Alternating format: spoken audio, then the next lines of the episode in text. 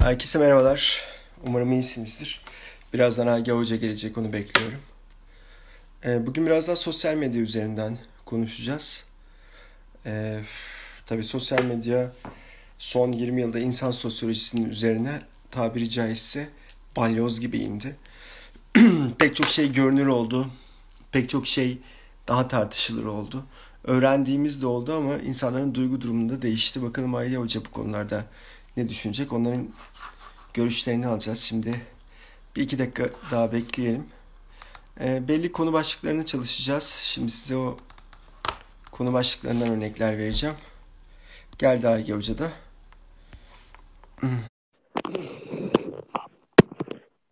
Selamlar Mira. Hocam merhaba. Gördüm ben seni şimdi. Bağlantıdasın. İyi akşamlar. İyi akşamlar. Nasılsın hocam? Teşekkür ederim. Sen nasılsın?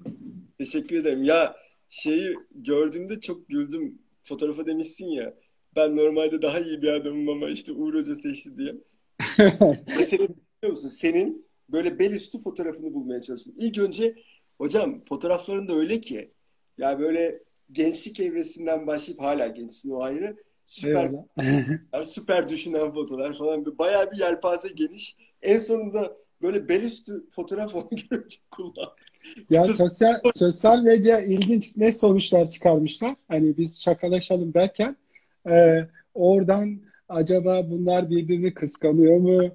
İşte bunlar ikisi de e, biri işte e, sosyal bilimci öbürü psikiyatrist acaba böyle bir çatışma yaratarak seyirci mi arttırıyorlar? Sosyal medya müthiş yani. Tabii değil mi? Aslında konuşacağız doğru. Şeyden sonra bak bir şey söyleyeyim. Ee, şimdi çok değerli arkadaşlarla burada sohbetler yaptım. Ee, gerçekten hani seninle yaptığımız sohbet üzerine gelen e, yorum sayısı, etkileşim sayısı cidden olağanüstü sayıdaydı. Bu önemli, güzel. Demek ki hoş bir frekans. Ha bunların arasında şeyler de var doğal olarak. Ee, sen çok konuştun, az konuştuncular. Tabii tabii. Hatta hafiften giydirenler ama genelde hoş tepkiler. Ben genelde hani iyi çoğaltıp ki burada iyi çoğunlukta yani şöyle söyleyeyim yüzde 99 falan çok iyi şeyler söylenmiş. Tabii afaki bir rakam söylüyorum. O yüzden olur böyle şeyler. Herkes bir yolunu bulur. Hazırda konu o oldu. Şimdi üzerine konuşalım bakalım. Ya Nedir? tabii tabii sen rakamları söyleyince yani ben e, çok duygulandım. Yani e, bir saatlik bir yayında 50 bin kişinin bir şekilde bizi ziyaret etmesi kısa ya da uzun. Gerçekten hani çok e, şey yaptı. Tabii bu yayınlar için e, e, sana çok teşekkür ederim. E, ve yayın yapan bir sürü arkadaş var. Onlara da çok teşekkür ederim. Kendi adıma. Yani neden teşekkür ediyorum? Laf olsun diye değil. E, Freud'un cinsellik üzerine üç deneme diye bir kitabında bir anekdot aktarır. Üç yaşında bir çocuğun anksiyetesiyle ilgili yani bir çocuk neden anksiyete yaşar diye onun e, e, karanlıkta bağırdığı ile ilgili bir öykü üzerinde durur ve onu analiz ederken de şöyle bir diyaloğu ortaya çıkarır. Çocuk e, teyzesine teyze bir şey söyle korkuyorum çünkü burası çok karanlık. Teyzesi cevap verir. E, beni görmediğine göre bu ne işe yarayacak? Yani e, çocuk olsun der. Biri konuştuğu zaman aydınlık oluyor burası. Biz evet. karanlıktayız şu anda. Birinin konuşması gerekiyor. Yani biz burada tabii ki bir saatlik böyle bir gecenin saat 10'unda oturup ders anlatmıyoruz. Ya da ne bileyim bir literatür taraması yapacak halimiz yok. Yani kahvemizi alıp çayımızı alıp hep beraber söylüyoruz. Hepimizin seslere ihtiyacı var. E, içeriği önemli değil. Yani karanlıkta kalan e, anksiyete nedir? Anksiyete karanlıkta kalan bir çocuğu e, kimsenin sesini duyamaması demektir.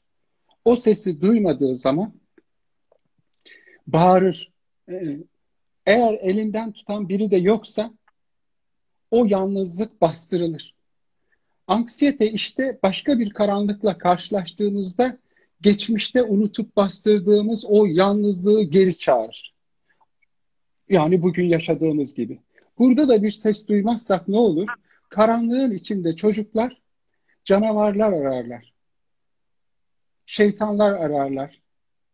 Çünkü o karanlığı bir şekilde e, bilinir bir hale getirmeye çalışırlar. Bu arkadaşlar büyüdüklerinde de ne yaparlar? Karanlığın içinde canavar ararlar. Biz onlara komplocu diyoruz. Onlar bir de kitap yazınca komplo uzmanı oluyorlar. Ben 2013'te demiştim bu koronavirüsün olacağını. Ya nereden demiştin? 2001'de zaten biliniyordu bu virüs salgınlarının olacağını. Yani komplo da böyle gelişiyor. Tabii burada birbirimize ses çıkarmamız gerekiyor ki tuhaf tuhaf bilgiler üretmeyelim. Yalan yanlış şeyler üfürmeyelim. Birbirimizin yanında olursak, birbirimizin elini tutarsak e, gerçeğe de daha yakın oluruz. Daha az e, kaygılanırız. Korksak bile beraber korkarız. Ne olacak? Biz öğrenciyken işte o zaman Avrupa'ya gidiş geliş e, çok fazla değildi. E, bizim ülkemizde de homoseksüelite falan nedir bilinmezdi.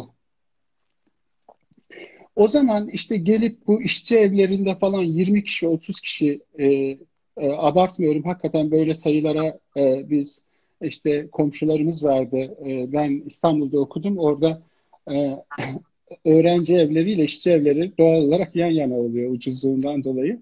Oraya 20-25 kişi girip çıkardı ve bunlar el ele dolaşan 20 yaşında gencecik erkeklerdi. Çünkü şehre geliyorsun, iş yok, güç yok, kenti tanımıyorsun, korkuyorsun. O korku da birbirinin elinden tutuyordu bu çocuklar. Turistler de tuhaf tuhaf bakıyorlardı. Burası bir Orta Doğu ülkesi ama erkekler el ele dolaşıyor diye. Erkek ya da kadın elinden tutacak birimize e, sesini duyacağımız birine ihtiyaç var. O yüzden sana e, bu kadar işinin, bu kadar yoğunluğunun tahmin ediyorum yani o kadar işle uğraşmak. Nasıl bu kadar enerjik olabiliyorsun da hayret ediyorum. Ama bu bir gerçekten bir kamu hizmeti. Çok teşekkür ederim. Eline sağlık yani. Diğer arkadaşlara da. Yayın şu anda bizimle birlikte yayın yapan herkes çok kıymetli bir iş yapıyor. Ya üfürelim bir şey olmaz. Ses çıkaralım karanlıkta o e, tek başımıza olmadığımızı, canavarların arasında olmadığımızı anlayalım. Gün doğmadan neler doğar? Güneş doğacak elbet. Yani sabah aydınlandığında sadece evimizin bahçesini göreceğiz. Korkmaya gerek yok yani. Harika yorumladınız hocam. Bir de zaten bu bir ihtiyaç. Yani şöyle düşünün. Türkiye'de e, 2017 rakamını söyleyeceğim. Kusura bakmasın arkadaşlar. Çünkü o rakamı net olarak biliyorum. 136 tane ulusal kanalla dünyada bu kanal sayısı televizyonlardan bahsediyorum bizi ikinci sıraya yükseltiyor. Tabii bu kanalların içerikleri var ve bu içerik tercihlerini biz biliyoruz. Bir dolusu yani ulusal kanal diye ifade ettiklerimiz hepsi ulusal da hani tematik olmayanlar ulusal diyoruz biliyorsunuz. Orada dizi içerikleri, yarışmalar, işte editoryal içerikler falan kendini tekrar ediyor. Bildiğimiz kanallar onlar. E tematik kanallara bakıyoruz. Hocam 365 gün 24 saat. Siyaset oraya, siyaset buraya. Yok Kılıçdaroğlu şunu söylemiş, yok bu bunu söylemiş. Yok işte e, ekonomi şöyle, yok bilmem ne böyle, yok seçimler. Ya ben yıllardır şunu dile getiriyorum. Bir iletişim bilimci olarak. Biz televizyonlarda siyaset bilimi bile konuşmuyoruz. Biz algı, dezenformasyon, propaganda konuşuyoruz. Üstelik sadece bunu konuşmuyoruz hocam.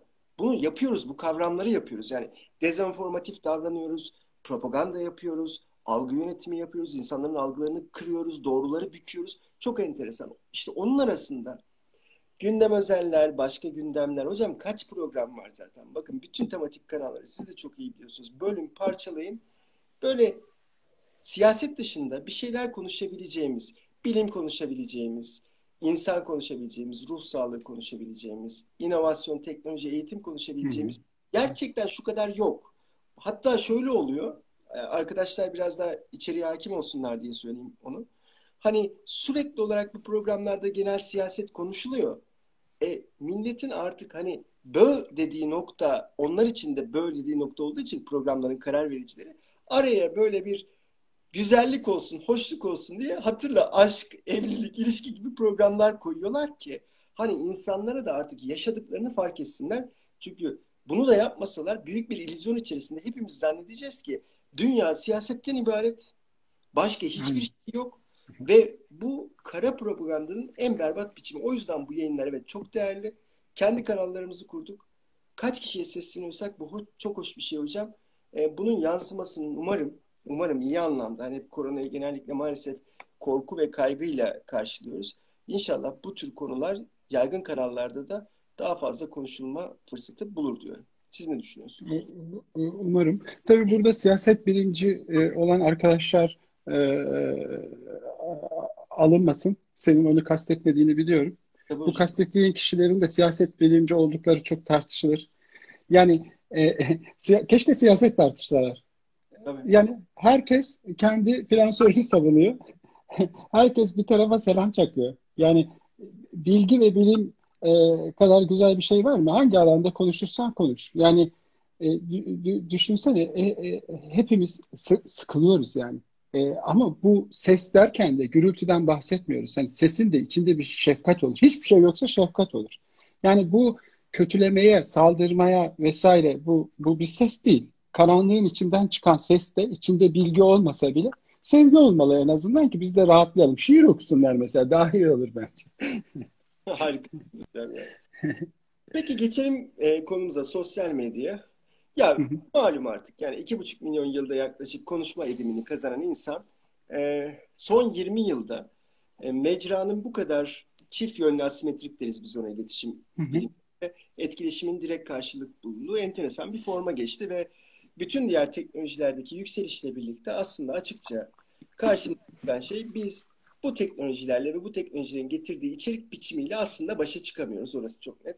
Bu da yeni bir sosyoloji doğurdu. Aslında evet sosyal medyanın doğurduğu yeni bir insan sosyolojisinden söz etmek lazım.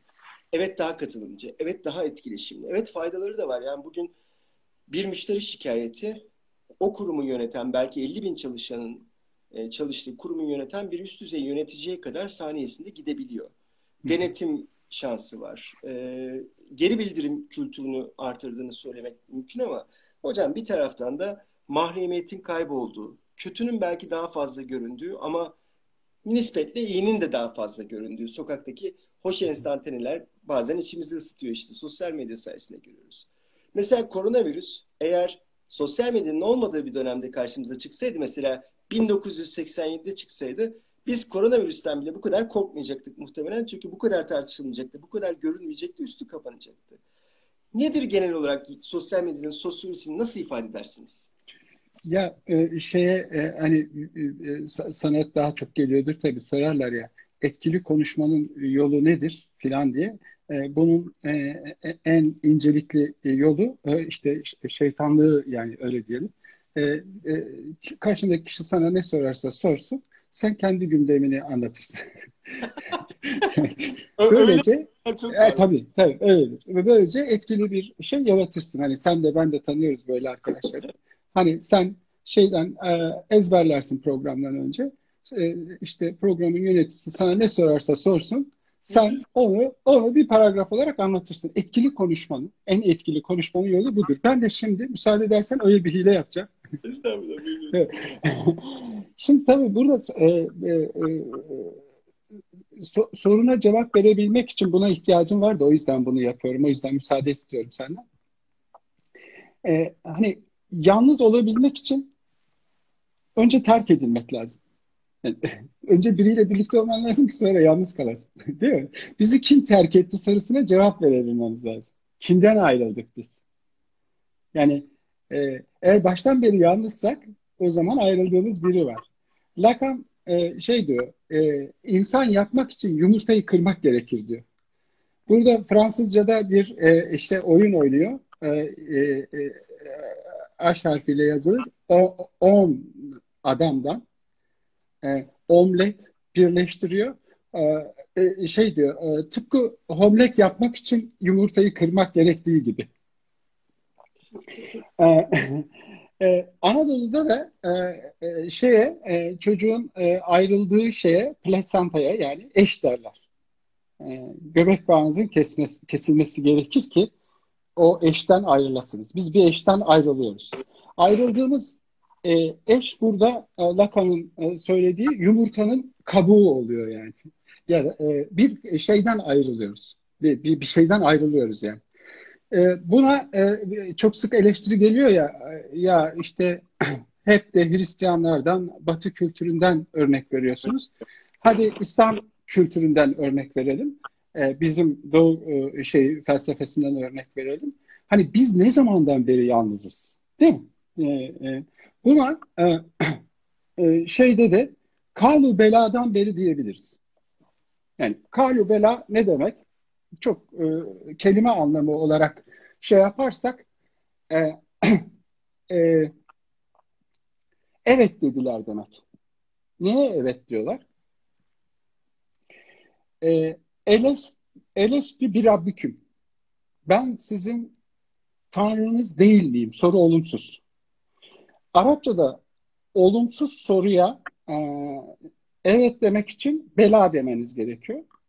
Eğer soru o, olumlu olsaydı ne an diyecektik. Evet.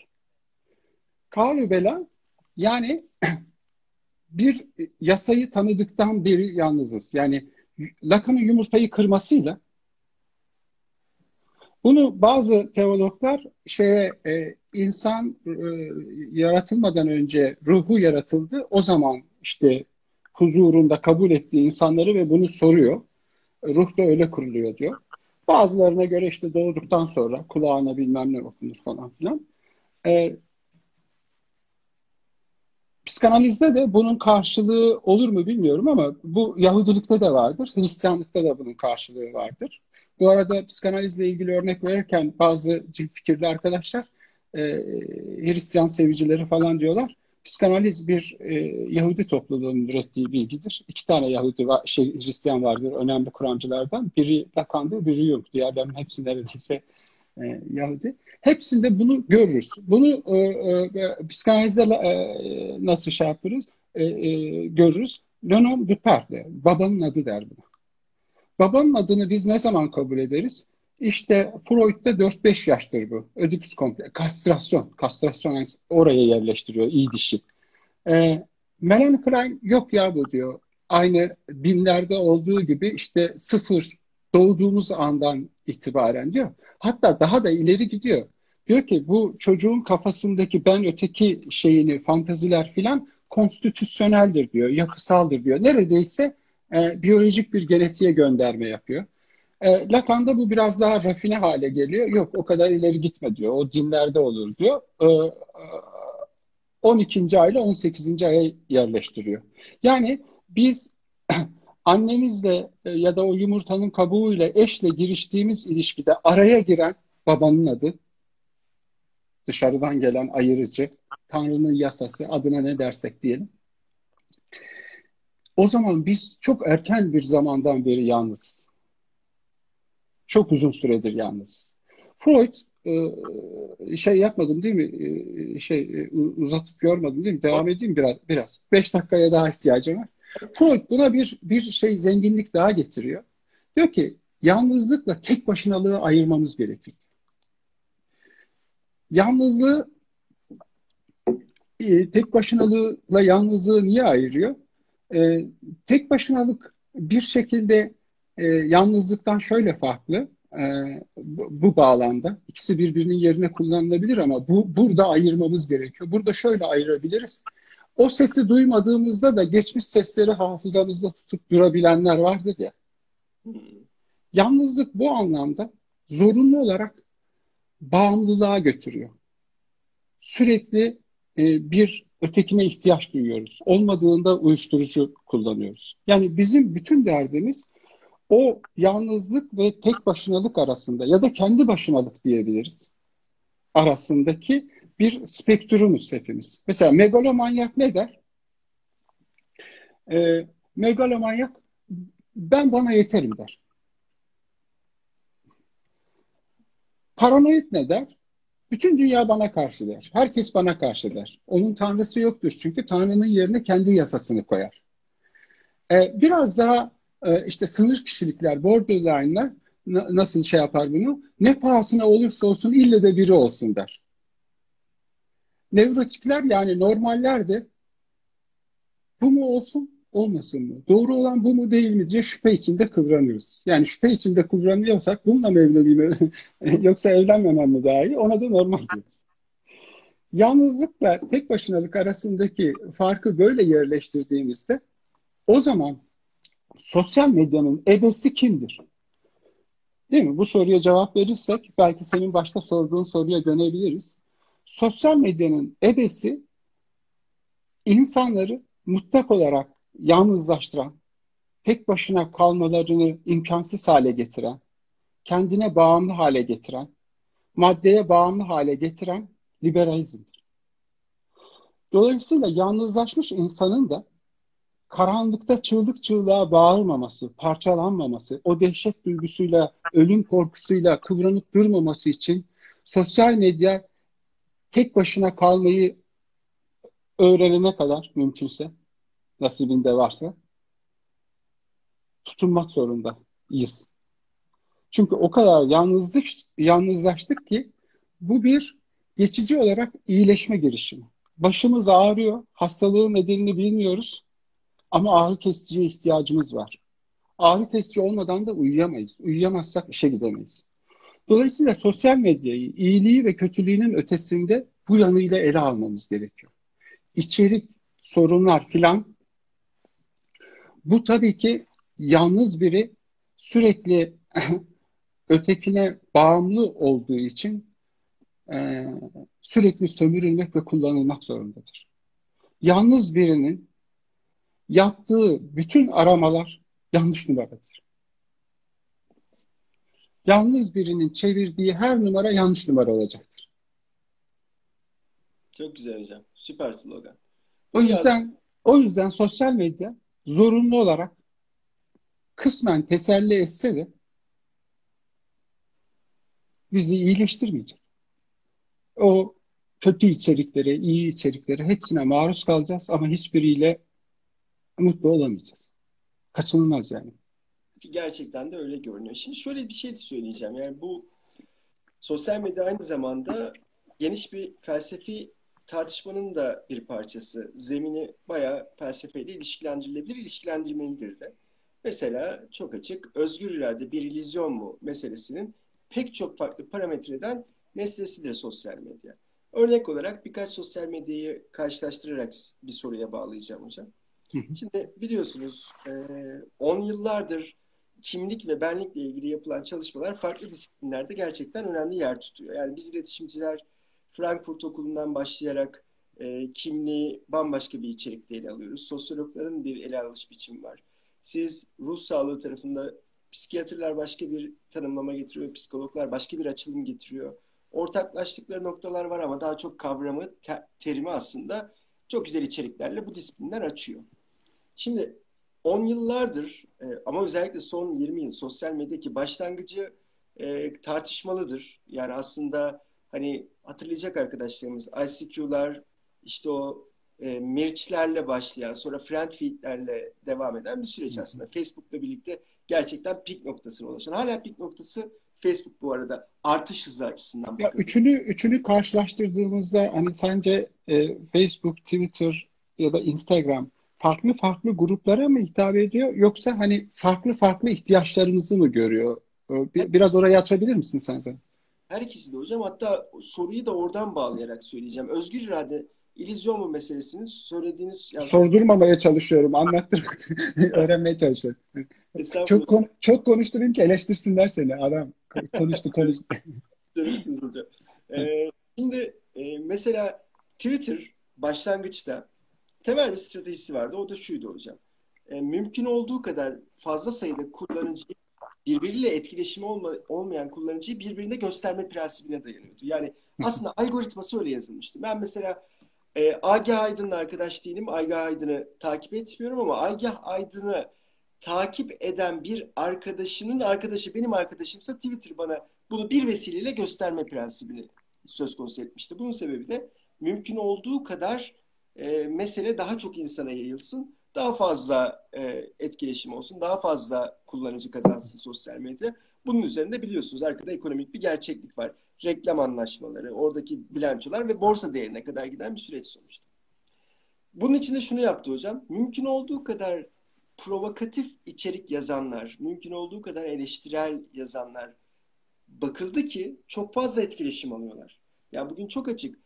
Bununla ilgili sosyal birçok deney yapabilirsiniz. Ben zaten çok yapan bir insan olarak mesela geçen senelerde Almanya 2016'ydı hocam. Yapay bir güneş e, icat etti. Çok önemliydi. İklim verimliliği açısından önemliydi. İklim güvenliği açısından önemliydi. Ve aynı zamanda enerji verimliliği açısından önemliydi. Bu önemli bir haberdi. Bastırılmış olanı yansıtıyor. Ben de bunu Twitter'da paylaştım. Dedim ki bakın büyük bir gelişme. Teknoloji yeni bir safhaya evriliyor. E, yani klasik işte ne bileyim işte 120 tane beğeni olsun, 3 tane retweet olsun, bir tane de yorum olsun attım. Sonra aradan sadece iki hafta geçti. Dur bakalım dedim. Tam da o sırada hocam biz de şeyi konuşuyorduk. Cam filmi konuşuyorduk. Hatırlarsınız o dönemi. Arabalarda cam film Hı e, hı. yansım Evet yasaklandı. evet. Dedim ki ben de Almanya aynı haberi kopyaladım hocam. Yapay güneş icat etti. Enerji verimliliği bilmem ne bilmem ne. Çok şükür biz de cam film meselesini hallettik dedim. Hocam 5000 küsür beğeni, e, 800 retweet, işte 400 yorum. Aslında işin temel meselesine bakıldığında paylaşılan bilgi aynı. Fakat işin içerisine bir siyasi içerik, bir provokasyon, bir karşı duruş, adına ne derseniz deyin, koyduğunuz an etkileşimin biçimi ve ulaşılan havuz değişti. Dolayısıyla Twitter zaman içerisinde hocam o kadar kötücül insanların birbirine çaktığı, birbirini eleştirdiği, tanımayanların av yaptığı, yani birini yakalasam da avlasam dediği bir alana dönüştü ki geçen sene Twitter'ın patronu Twitter'ın dedi algoritması sonsuza dek değişecek. Twitter dedi tekrar yazıyoruz dedi. Çünkü bir zaman için içine takipçi ve etkileşim çeken hocam mecra bir zaman sonra kötücüllük nedeniyle takipçi ve etkileşim kaybetmeye başlamıştı. Yeni kullanıcı gelmiyordu. Çok az sayıdaydı. Borsa değeri düştü, bilanço değeri düştü. Bakın bu da insanın belki iyi ve kötü oluşuna dair. Demek ki bir sınırımız var hocam. Bir sınır. O sınırın üzerinde kötücülükle karşılaştığımız zaman o mecra artık bizi tatmin etmiyor bir şekilde. O yüzden bu özgür irade illüzyon mu meselesinden şöyle bağlayacağım. Bakın nedir? Twitter'da hepimiz eleştirmeniz, eleştiriciyiz, negatifiz. LinkedIn'de hepimiz CEO'yuz. Instagram'da herkes börtü böcek, Facebook'ta herkes aile. Aslında aynı adam. Kimlikle bağlayacağım. Bu çoklu kimlik bölünmesi bile olabilir hocam. Dört mecrada dört farklı insan var. Diğer taraftan özgür irade illüzyon mu? Demek ki algoritmayı yazan adam bizim tutumlarımızı şekillendirebiliyor. Bakın dört mecrada dört tane ayrı insan yaratıyor. Nedir hocam? Siz nasıl yorumlarsınız bu meseleyi? Benlik kimlik Ya, üzerine. e, e, aslında hani senin söylediklerine bir cümle daha ekleyebilir miyim? Aslında hayır. Hani bunu şey için söylemiyorum. Hani farklı kavramlarla aynı şeyi söyleyebiliriz belki. Yani bizim bütün derdimiz ötekiyledir. Hangi kişilik örgütlenmesinde yani o işte yumurtanın kabuğu, kopuş vesaire dedim ya.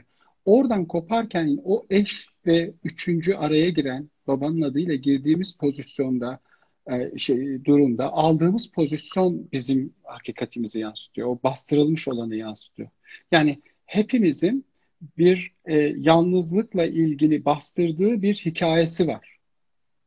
E, o hikaye de geri geldiğinde delleniyoruz. Yani tekrar aynı karanlığı bize çağırdığında e, kuramcının adını unuttum. E, herkes kendi deliliğinin delisidir. Ben o lafı şöyle çevireyim. Hepimiz kendi cehaletimizin cahiliyiz. Yani. Neyin bastırdığımızı bilmediğimiz için ne geldiğinde ne yaptığımızı da bilemiyoruz. Dolayısıyla her ne olursa olsun aldığımız pozisyonda bir ötekini ya dövmek vardır, ya onu baştan çıkarmak vardır, ya onu hayran bırakmak vardır, ya onu üzmek vardır. Bütün derdimiz bu yani. Hiçbir sözümüzde, hiçbir davranışımızda ötekini anmadığımız bir an yok bizim. Yani kimisi Twitter'da ağzından çıkanı bekliyor dayak atmak için. Kimisi işte Instagram'da beğenmek için fırsat kolluyor. Kimisi Instagram'da işte geçen sene de bunu yazmıştın diye dedikodu için bekliyor filan. Yani e, e, hepimiz bir, bir biçimde birbirimize çok benzeriz. E, o yüzden hani e, sö- sö- söylediklerine tamamen katılıyorum. Yani burada cevap da sorunun içindeydi. Başka bir şey üstüne söylememiz de mümkün değil. Ama bu hakikati reddetmemiz de mümkün değil. Yani şöyle bir şey de söyleyemeyiz. Yani bu üç ya da e, çoğaltılabilir bu mecralar. Belki 6 ay sonra, 6 yıl sonra başka şeyleri e, konuşacağız. Bundan kurtuluşumuz yok. Yani bizim e, ya birinin acısını e, ya birinin e, özlemini çekiyoruzdur. Ya birine öfke duyuyoruzdur vesaire ve bunu da mutlaka bir e, platform bulup bunu ortaya koyacağız. Yani burada e, şunu söyleyemeyiz. E, birileri bizden e, birileri bizi baştan çıkarıp kötü yaptı diyemeyiz. Bu mecralar bizim hakikatimizi ortaya döktü. Yüzleşebiliriz ama. Yani sosyal medyanın, telefonun olmaması o kadar acı bir şey ki. Ee, e, Aşık Nuri diye bir e, e, e, ozan vardır e, şeyde Kars'ta. Aşık Nuri çok genç yaşta akciğer kanseri oluyor. Hani akciğerle meşgulüz ya bugünler. Ankara'da o zaman tabii çok e, eski bir tarihten bahsediyorum. 70 yıl öncesinden falan bahsediyorum. Karısının adı Terlan. E, şeyi de şiiri de bulayım ben. Yazdığı şiirde. E, ya zaten bir yıl, bir, bir ay falan ömür biçiyorlar. Ama telefon yok. Sosyal medyada yok. Skype'tan görüntülü görüşmek de yok. Zaten hali mecali de yok. Yani bir şey e, e, haber ulaştırmaya. E, yanındakilere bir şiir okuyor. E, şöyle diyor. Terlan diye diye bağrım ezildi. Bulamadım şiiri de aklımda kaldı. Kadar. Ak, ak alnıma kara yazı yazıldı. Ya del değdi sırma teller bozuldu. Getir dane dane düzem sevdiğim. Saçından bahsediyor. Ali yok ki bölük bölük böldüre. Hamza yok ki onu buraya aldıra. Nuri Ankara'da, yarı Çıldır'da 800 kilometre var. Uçakta yok. Elim tutmaz name, mektup yazan sevdiğim. Bu çok büyük bir dram. Sosyal medyanın bu karanlıkta kaldığımızda çıkardığımız ses, dediğim gibi söylediklerimin hepsine katılıyorum. Yıkıcılığına, saldırganlığına. Bu ses çok kıymetli. Yani Nuri'nin çok büyük bir acısı var orada e, o dramdan kurtarıyor bizi. Yani şu korona günlerinde öyle diyelim perişan olurduk eğer sosyal medya olmasaydı. Çok yıkım kötü. yıkım olurdu. Bütün bu kötülüğüne karşı, bu bütün bu kötülüğünü ve yıkıcılığını, kötücüllüğünü ben şöyle anlama ve a, a, e, a, e, kabul etme eğilimindeyim. Bir bilgiye dayandırarak söylemiyorum bunu, isim söylüyorum. Bu güzelliği yani Nuri ile Terra, Terla'nın dramında Nuri'nin çektiği ıstırabın e, azalttığı, e, azaltmasının karşılığında ödediğimiz bedel gibi düşünüyorum ben. Yani hiçbir şeyi bedavadan elde edemeyeceğimize göre. Doğru, doğru. Çok bu, bedel, bu, bu, bu, bu bedeli de e, ödeyeceğiz. Yani yalnızlık öyle bir şey ki yalnızlık hani o kendi başına olmakla karşılaştırırsak e, neye benzetebiliriz? Yabani bir ata benzetebiliriz. Yalnızlık vahşi bir ata benzetebiliriz. Vahşi bir at da sizi yerden yere vurur, perişan eder. Ama o vahşi atı ehlileştirirseniz de sizi olduğunuzdan olduğunuz yerden alıp daha ilerideki bir yere götüren bir dosta dönüşür. Ama yalnızlığı tek başınalığa, kendi başımıza kalabilmeye dönüştürebilecek olan şey de gene dışarıdan gelen seslerdir. Yani ihtiyaç duyarız ona. E, bu biraz paradoksal gibi görünüyor ama yani nasıl oluyor bu? E, e, e Winnicott'ın e, e, kendi başına, tek başına e, kalabilme kapasitesi diye tarif ettiği bir şey var. Bu e, ilk elden akla şunu getiriyor yanında biri varken de tek başına kala şey yanında biri yokken tek başına kalabilmeyi akla getiriyor. Ama bunun e, şöyle de anlamamız gerekiyor. Yanımızda biri varken de yalnız kalabilme kapasitesi gibi de okuyabiliriz. Ne önemi var bunun? İkisi arasında ne fark var? Yanımızda biri varken yalnız kalma kapasitemiz varsa e, o zaman ötekinden farklı olduğunu da anlayabilen bir birey olmuşuz demektir. Ötekinden farklı olduğunu anlayamayan biri ilişki yürütemez. Ötekiyle yakınlaşamaz. Ötekinden uzak da duramaz. Yani Yeşilçam filmi gibi olur. Ne seninle ne sensiz gibi. Bağımlılık böyle. Yani buna e, katlanabilmemiz için, e, bunu anlayabilmemiz için, test edebilmemiz için e, sosyal medyaya ihtiyacımız var. Çünkü çok yalnızlaştık ve sosyal medya bunu azaltıyor. Ama burada tabii senin vurguladığın ve belirlediğin başlıkları düşündüğümüzde bu söylediğim de çok indirgemeci kalıyor. Yani buradaki sorunları görmezden gelemeyiz. Ee, ben e, farkındayım onu indirgediğimi. Buna nasıl çözüm oluşturulabilir? Gerçekten bilmiyorum yani. Bilmiyorum. Yani bunun alternatifi nedir? Aklıma bir şey gelmiyor benim. Yani... Hocam ya çok güzel ifade ettiniz. Aklıma Yeşilçam dediniz de ben zaman zaman paylaşırım. Ee, Yeni Türkü'nün resim şarkısıyla e, Metin Erksan'ın Sevmek Zamanı'nın e, çok enteresan bir filmdir ve sosyal medya konusunda aslında e, çok erken dönemde bize çok ilginç ipuçları verir. Biraz İran'daki o imaj ve imajın arkasındaki anlam meselesini çok iyi çözümler. Hatta biliyorsunuz Baudelaire neredeyse Fransız filozof hayatı boyunca bu meseleyle uğraşmıştır. Neredeyse Baudelaire'ın e, yıllar içerisindeki oluşturduğu üst gerçeklik felsefesini, anlamın kayıp gitmesi meselesini, anlamın ikircikli meselesi, olma meselesini e, aslında bayağı iyi ifade eden bir film ve bu anlamda ben mucizevi bulurum yani onun arkasındaki felsefeyi yakalayanları. Şimdi biraz oradan da yola çıkarak hı hı. sosyal medyada hani Instagram'da görünen gerçekte olan meselesi üzerinden değerlendirsek e, bu ikircikli durum bize ne yapıyor hocam? Yani olan ve aslında görünen arasındaki o fark bize birey olarak, benlik, kimlik olarak ne yapıyor? Şimdi burada e, şuna karar vermemiz gerekiyor. E, gerçek kimliklerimiz dediğimiz gerçek mi? Yani şu anda ben ne kadar gerçek olabilirim? Değil mi? Yani bir de ıı, sahte dediğimiz kimliklerle o orada şey yapmak, salınmak. İşte ne bileyim Photoshop yapıyor fotoğrafına. Başkasının fotoğrafını kullanıyor hatta. Öyle kimlik yaratanlar da var. Ee, başkasının hayat öyküsünü alıp oraya koyuyor. Bu kişinin kendisiyle ilgili bir dram.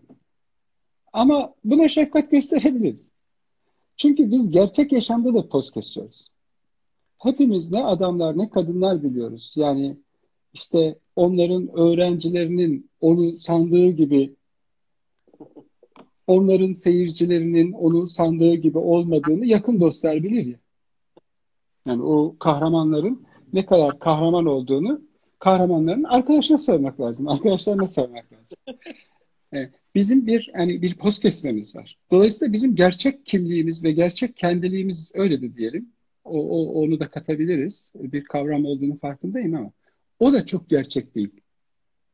Şimdi çok gerçek olmayan, pek gerçek olmayan bir şeyle gerçek olmayan bir şeyi karşılaştırıp hangisi daha gerçek diye sormak bana çok akıllıca gelmiyor.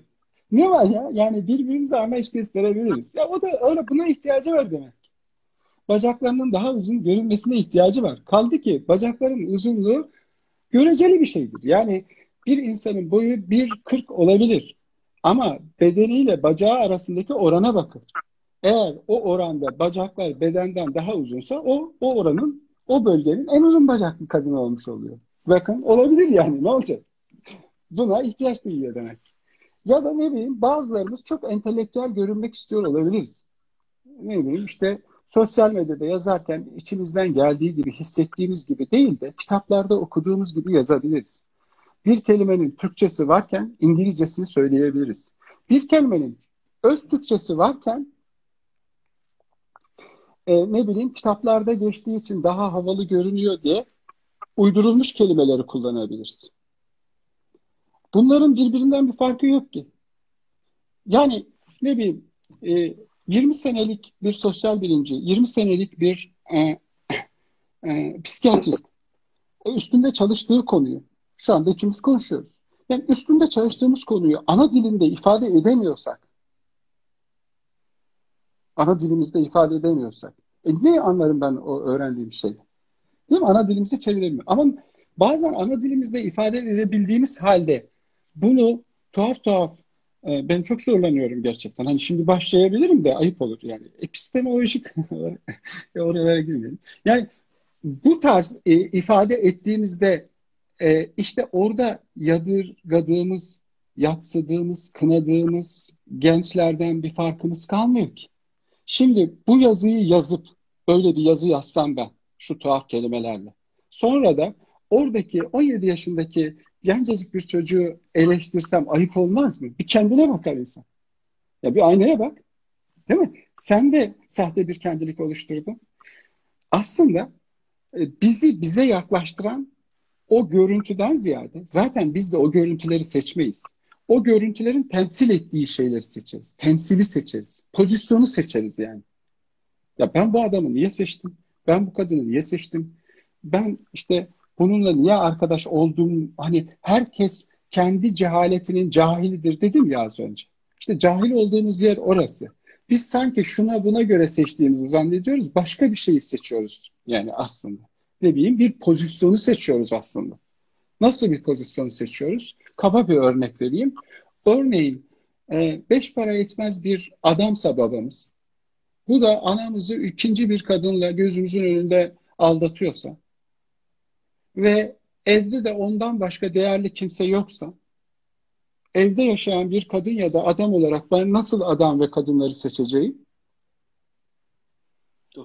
İkinci bir partner olan birini seçeceğim yani. Instagram'da güzel görüneni değil. Cehaletimiz de burada. Neyi seçtiğimizi bilmiyoruz. Seçtiğimiz şey, tabii ki ben karikatürize ettim az önce.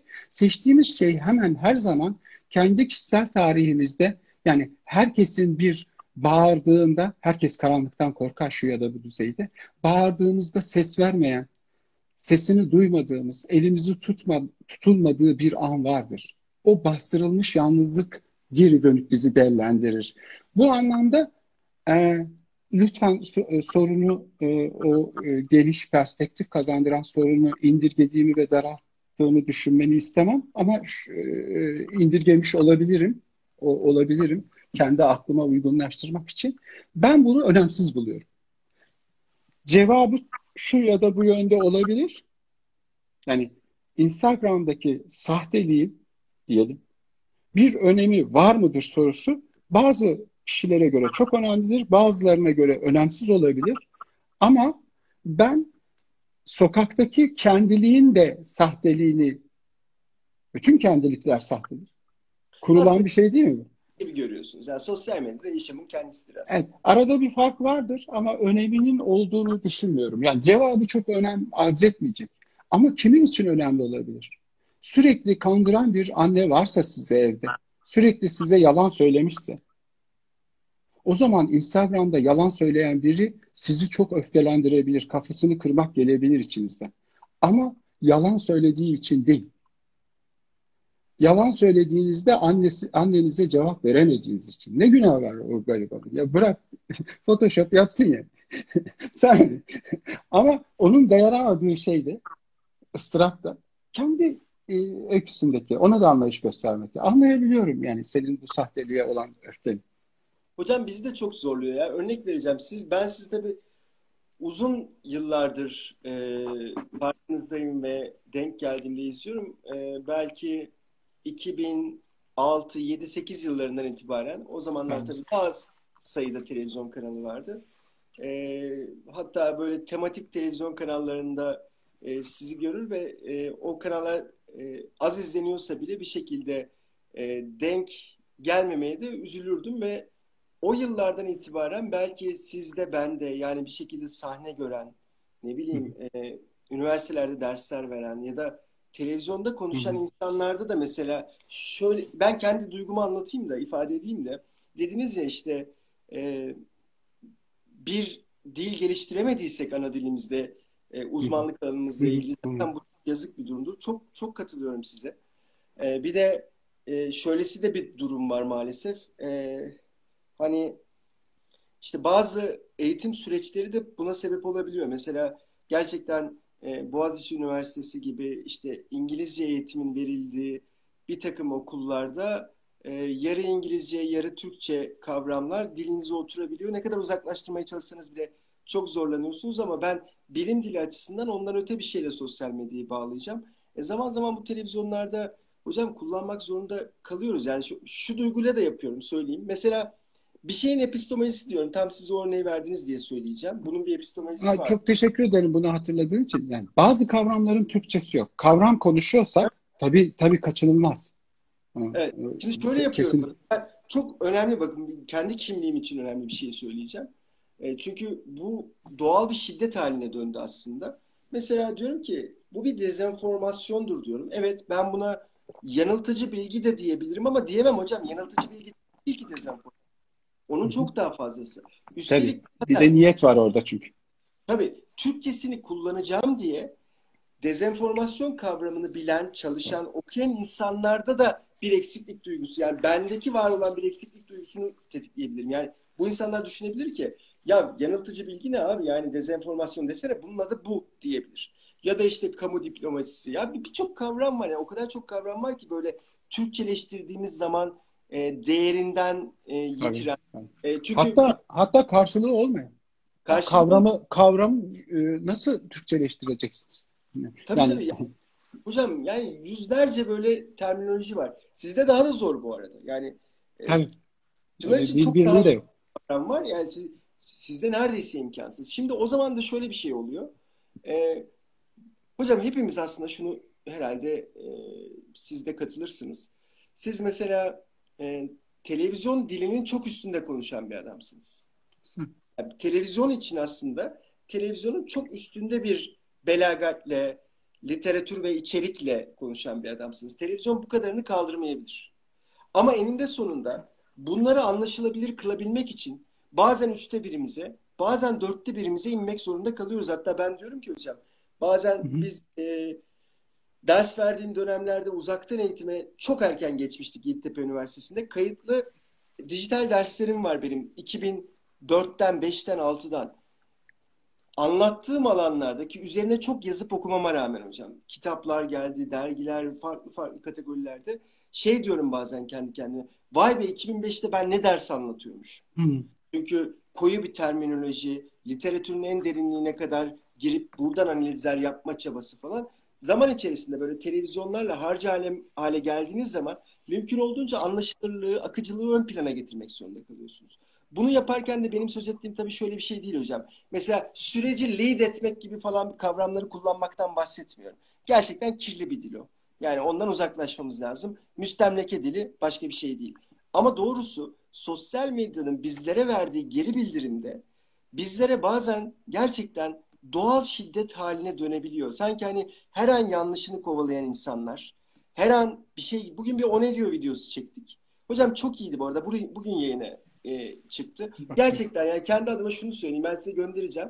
Ya hiç fena olmamış. Tamam böyle anlatılabilir. Yani açıkçası ben onu yazıp anlatsam bile herhalde buna yakın bir şey anlatırım. Güzel akıcı olmuş falan. Beğendim. Her zaman beğenmiyorum bu arada. Çoğu işimi beğenmiyorum. Yani bazen sizde de oluyordur. Yani bazı programlarda çok iyi akıyor gidiyor. Bazen içine giremiyorsunuz. Tabii. Oluyor böyle şeyler. Ee, onun bile altına insanlar mesela tam bu konuyla ilgili bir sürü yabancı kelime, terminoloji kullandığın zaman bu seni bilgi anlatır pozisyonuna mı getiriyor diye gerçekten kötücül e, yorumlarla karşılık buluyorsunuz. O zaman siz şey diyorsunuz, kendinizi şekillendirmeye başlayabiliyorsunuz. Bu, bu sayı artarsa eğer, hani 1, 3, 5 falan önemli değil ama sayı artarsa o zaman diyorsun ki herhalde ben bunu yapayım ve belki kendini azımsamaya başlıyorsun. Bildiğinin beşte birini anlatmaya başlıyorsun. Gerçekten sosyal medyanın kimlik oluşumunda sadece biz kullanırken değil, geri bildirimler üzerinden de gerçekten çok önemli oluşumlar meydana geliyor diye düşünüyorum.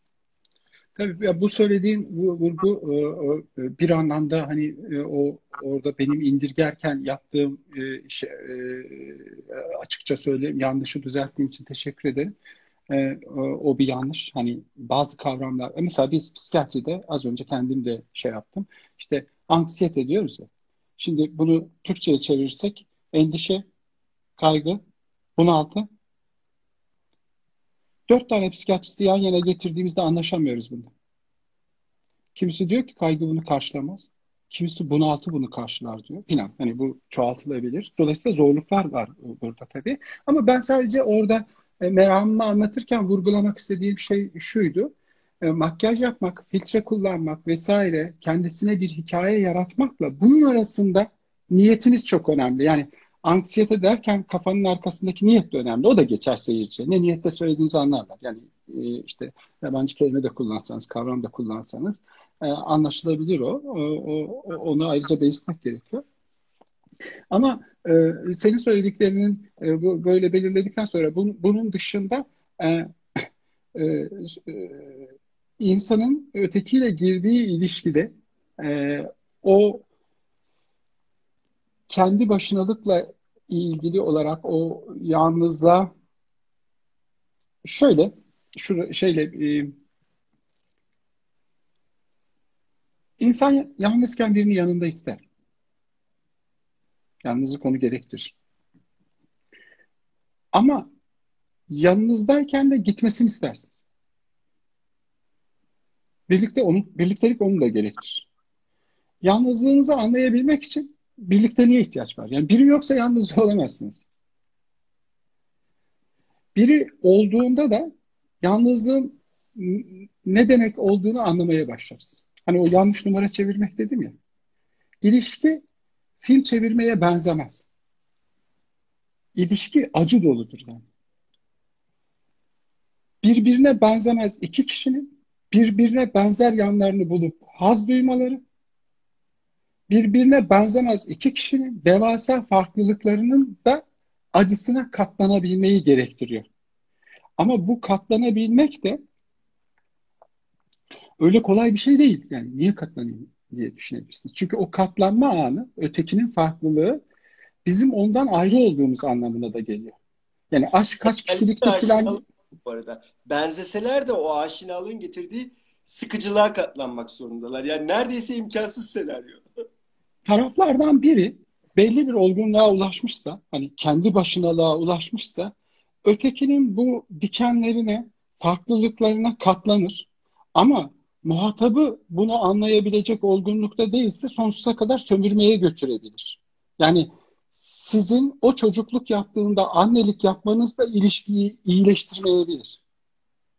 Yani ilişki patolojiyi ortaya serer. Döker yani. Ha ilişkinin bozulması kime aittir onu bilemeyiz. İkisi de patolojik olabilir, biri de patolojik olabilir. Çünkü taraflardan birinin olgun bir kişiliğe sahip olması iş görmüyor yani. Çünkü o zaman da narsiste bağımlının ilişkisine döner. Sen katlanıyorsun ki o çocuksuluğu iyileşsin. Onarmaya çalışıyorsun. Saçma sapan kıskançlıkları oluyor. Saçma sapan kavgalar çıkarıyor. Katlanıyorsun, katlanıyorsun. Hiçbir numara yok yani. Değişik, değişiklik çıkmıyor. E, e, dolayısıyla burada e, aşk, aşk kaç kişiliktire gidiyor? Bir mi? iki mi? Hiç mi?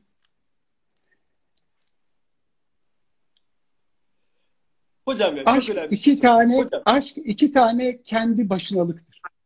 İki Hocam, tane harika. kendi Pardon. Çok aşk iki tane kendi başınalıktır. Tam beş dakikamız var. Bütün Aha, öyle mi? Tamam. Evet. Kapanacak çünkü ağzınıza sağlık. Yine harikaydı. Nasıl geçtiğini bilemedim. Bütün dinleyen arkadaşlara da teşekkür ediyorum. Sorum şu hocam ya bununla bağlayın diye özellikle böldüm hem de o kapanışı vereyim diye. Ee, hocam insan aynı anda birden daha fazla kişiye aşık olabilir mi? Sorun bu. Ee, yani buna benim cevap vermem çok zor. Yani olanlara sormak lazım. O arkadaşlar anlatırsa. Çünkü ayıp olur. Yani adam olabiliyordur ya da kadın olabiliyordur. Ben ne diyeyim şimdi? Şimdi şöyle yani mesela şairlerle e, e, e, bizim aramızdaki yani psikiyatristlerin, terapistlerin farkı şudur. Şairler e, hakikaten gerçeğe çok yaklaşırlar ama çok da büyütmemek lazım. Çünkü şairler gerçeği anlatırken bir de göze girmeye çalışırlar. Estetize ederken gerçeği biraz bozarlar. Yani e, yalnızlık, sosyal medya ilişkisi üzerinden konuştuk ya. Biz yalnızlığı anlatırız. Onlar yalnızlıklarını anlatırlar. Dolayısıyla daha çekici olur. Yani exagere edersin. Ben şimdi burada yalnızlıkla ilgili havalı cümleler kursam bu çekici değildir mesela. Ya Uğur evde tek başımayım, perişan oldum. Benim anam da şöyle, babam da böyle desem bu, bu çekici olur. Ee, burada e, hani bu soruna, e, sorunu unutmadım. Şöyle cevap verebiliriz belki. Hani o kendi başınalık üzerinden. Şimdi evde yalnızız ya. Kendi kendimizle kalamıyorsak çok e, çok tedirgin olmaya gerek yok. Ama ne anlama gelebilir bu? İnsanın kendi kendisiyle vakit geçirememesi. Eğer kendi kendimizde kalamıyorsak sahir zamanlarda koronavirüs ve öncesinde bizimle kalanların ıstırabını bir düşünelim. Yani ben kendi kendimle kalırken sıkılıyorsam değil mi ne kadar çevremize ne kadar ıstırap veriyor olabiliriz. Kendi kendine kalamayan e, arkadaşların, dostların biraz daha yalnız kalıp kendi kendilerine yetebilecekleri meziyetler edinmeleri için iyi bir fırsat sunabilir şu an içinde bulunduğumuz dönem. İki kişiye de on kişiye de aşık olunabilir belki bilmiyorum yani örneği var mı?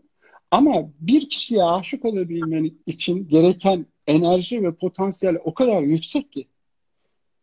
Bakın birini özleyebilirsiniz.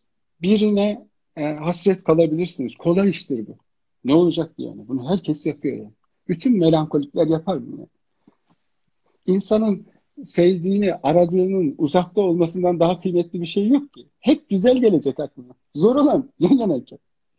Dolayısıyla aşk e, yani bu e, e, e, o kadar zor bir şey ki bir kişiyi de bu ciddi bir şekilde ortalama bir insanı harap eder.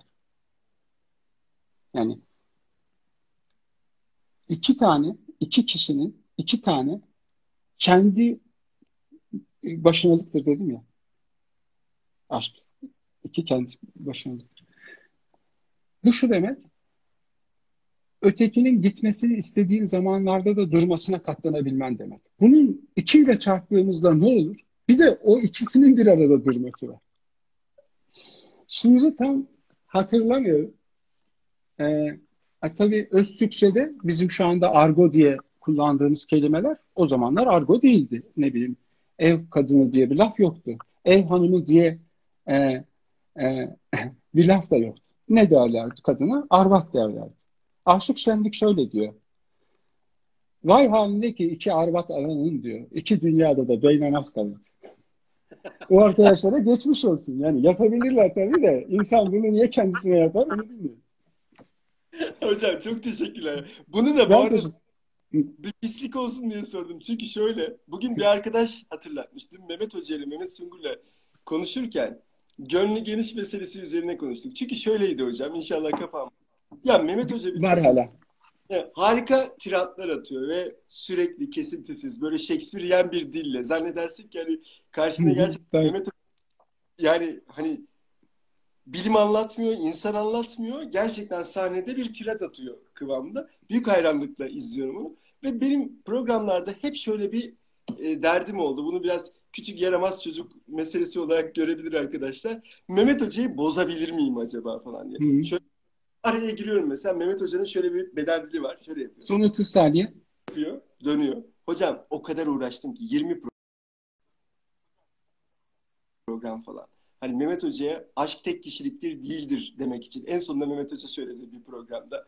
Tamam dedi. Senin gönlün geniş kardeşim dedi. İstediğin kadar tamam aşk tek kişilik değildir diye. Bugün de bir arkadaş onu paylaşmış. Benim de aklıma geldi. Sorun ben de o zaman ekleyeyim onunla bitsin o. Şairin sözüyle bitirelim. Ben nereden gelsem senden geliyormuşum. Harikasın. O zaman tek kişiden gelmiş oluyor. Ama çok kişiye gidebilir. Potansiyeli yüksek arkadaşlar var ya. Herkese iyi akşamlar. Çok Görüşmek teşekkür ederim. Çok teşekkürler katılan arkadaşlara. Sağ olsunlar. Görüşürüz.